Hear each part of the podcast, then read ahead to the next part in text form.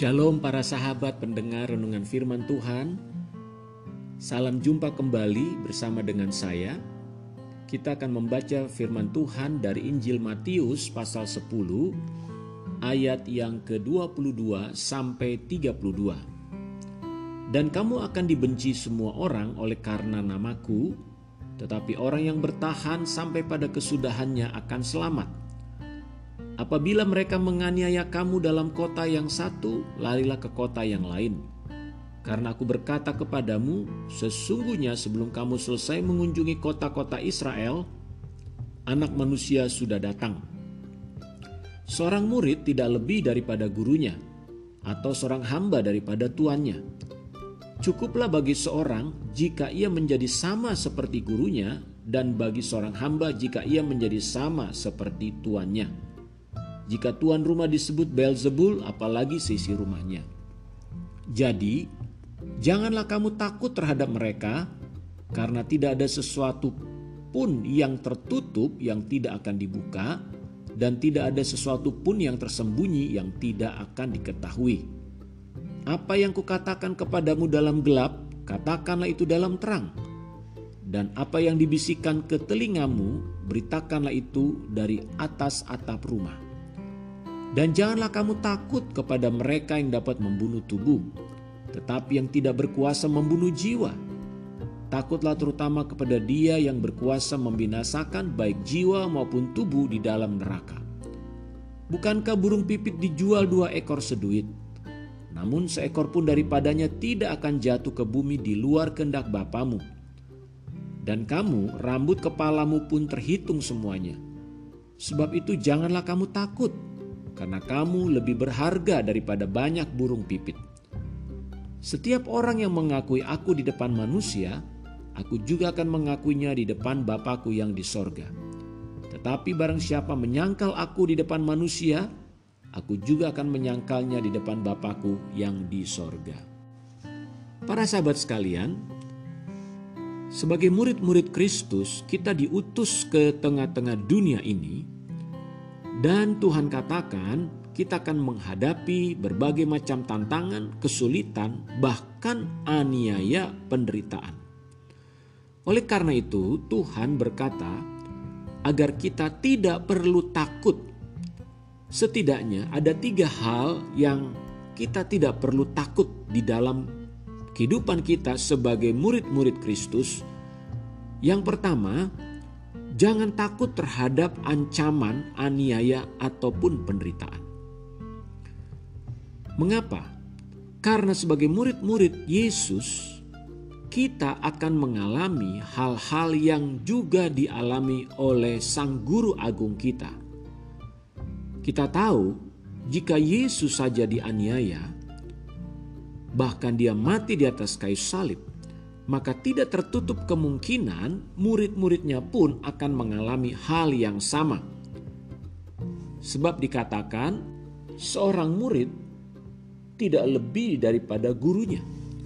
Jadi dengan kata lain, sebagai murid-murid Kristus, kita pun dapat mengalami yang namanya aniaya bahkan penderitaan karena nama Yesus. Jika Yesus pernah disebut sebagai penghulu setan atau Belzebul, maka jangan heran kalau Anda para sahabat pun bisa saja mendapatkan julukan yang demikian.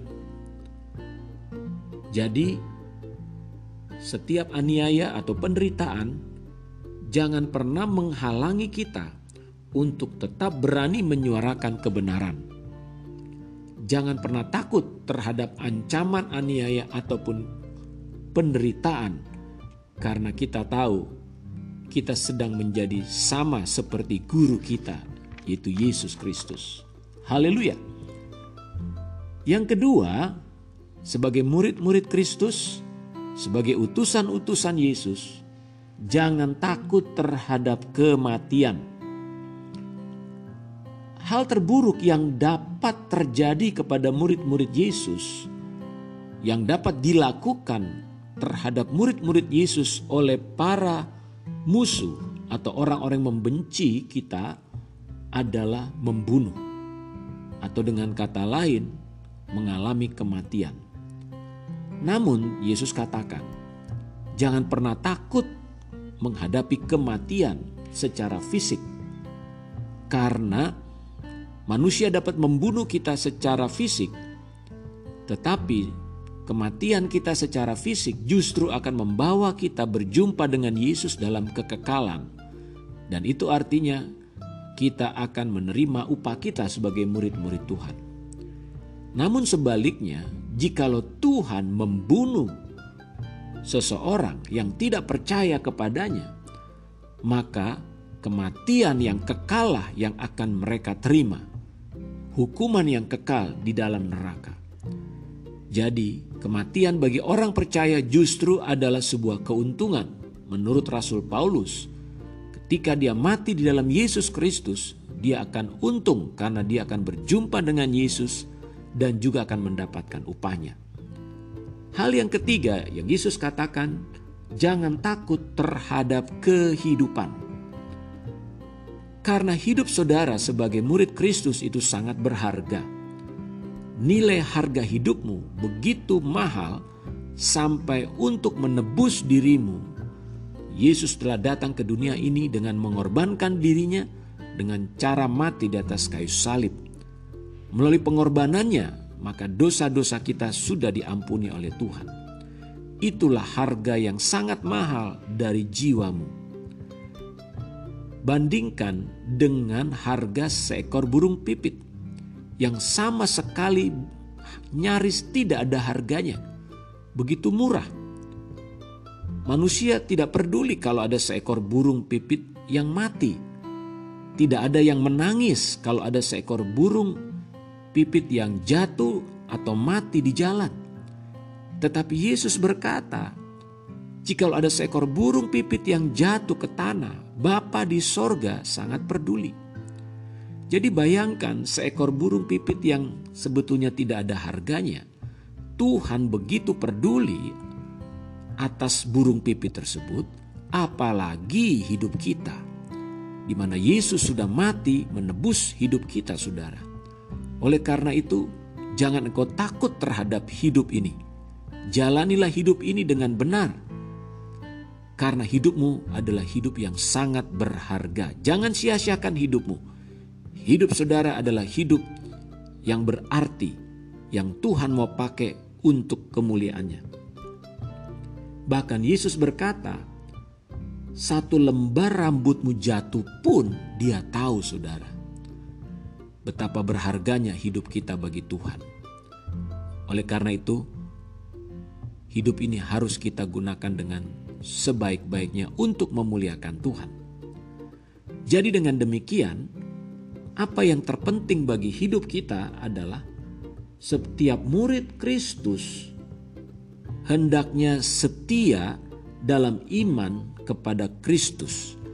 Jangan sampai seorang pun di antara kita, para sahabat Tuhan, yang menyangkali iman kita. Apa pun yang terjadi, setialah sampai akhir hayat kita, sehingga dengan demikian kita akan diakui oleh Tuhan ketika kita kelak berjumpa dengan Tuhan di dalam kekekalan. Tuhan Yesus memberkati, mari kita berdoa. Bapa di sorga terima kasih untuk firman-Mu yang menguatkan kami. Engkau yang berkata agar kami tidak perlu takut di dalam kehidupan ini. Kami tidak perlu takut terhadap aniaya dan penderitaan. Kami tidak perlu takut terhadap kematian. Bahkan kami tidak perlu takut dalam menjalani kehidupan ini. Tuhan terima kasih, biarlah rohmu yang ada dalam diri kami terus menguatkan kami, dan kami pun boleh terus berjalan dan setia sampai akhirnya. Kami mau menyelesaikan pertandingan iman dalam hidup kami. Hamba berdoa agar tidak ada satupun dari para sahabat pendengar renungan firman Tuhan ini yang gugur imannya. Sebaliknya Roh Kudus menolong mereka agar mereka semua dapat menyelesaikan pertandingan iman mereka dengan baik sampai garis finish. Terima kasih Tuhan, biarlah rohmu menolong kami untuk menjadi saksi-saksimu di tengah-tengah dunia ini. Dengan kuasa rohmu, sertailah kami ya Tuhan. Berikanlah kami keberanian untuk tetap memberitakan Kristus melalui perkataan kami dan juga tindakan-tindakan kami, sehingga orang-orang di dunia boleh percaya bahwa Engkau adalah Tuhan dan Juru Selamat bagi mereka.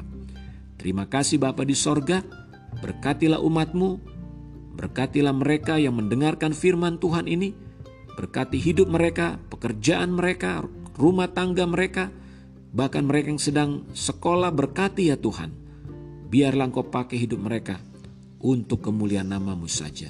Perlindungan Tuhan senantiasa ada pada anak-anakmu. Lindungi umatmu dari segala sakit penyakit, dari mara bahaya, dari kecelakaan. Kami menolak segala tipu muslihat iblis di dalam nama Yesus Kristus Tuhan.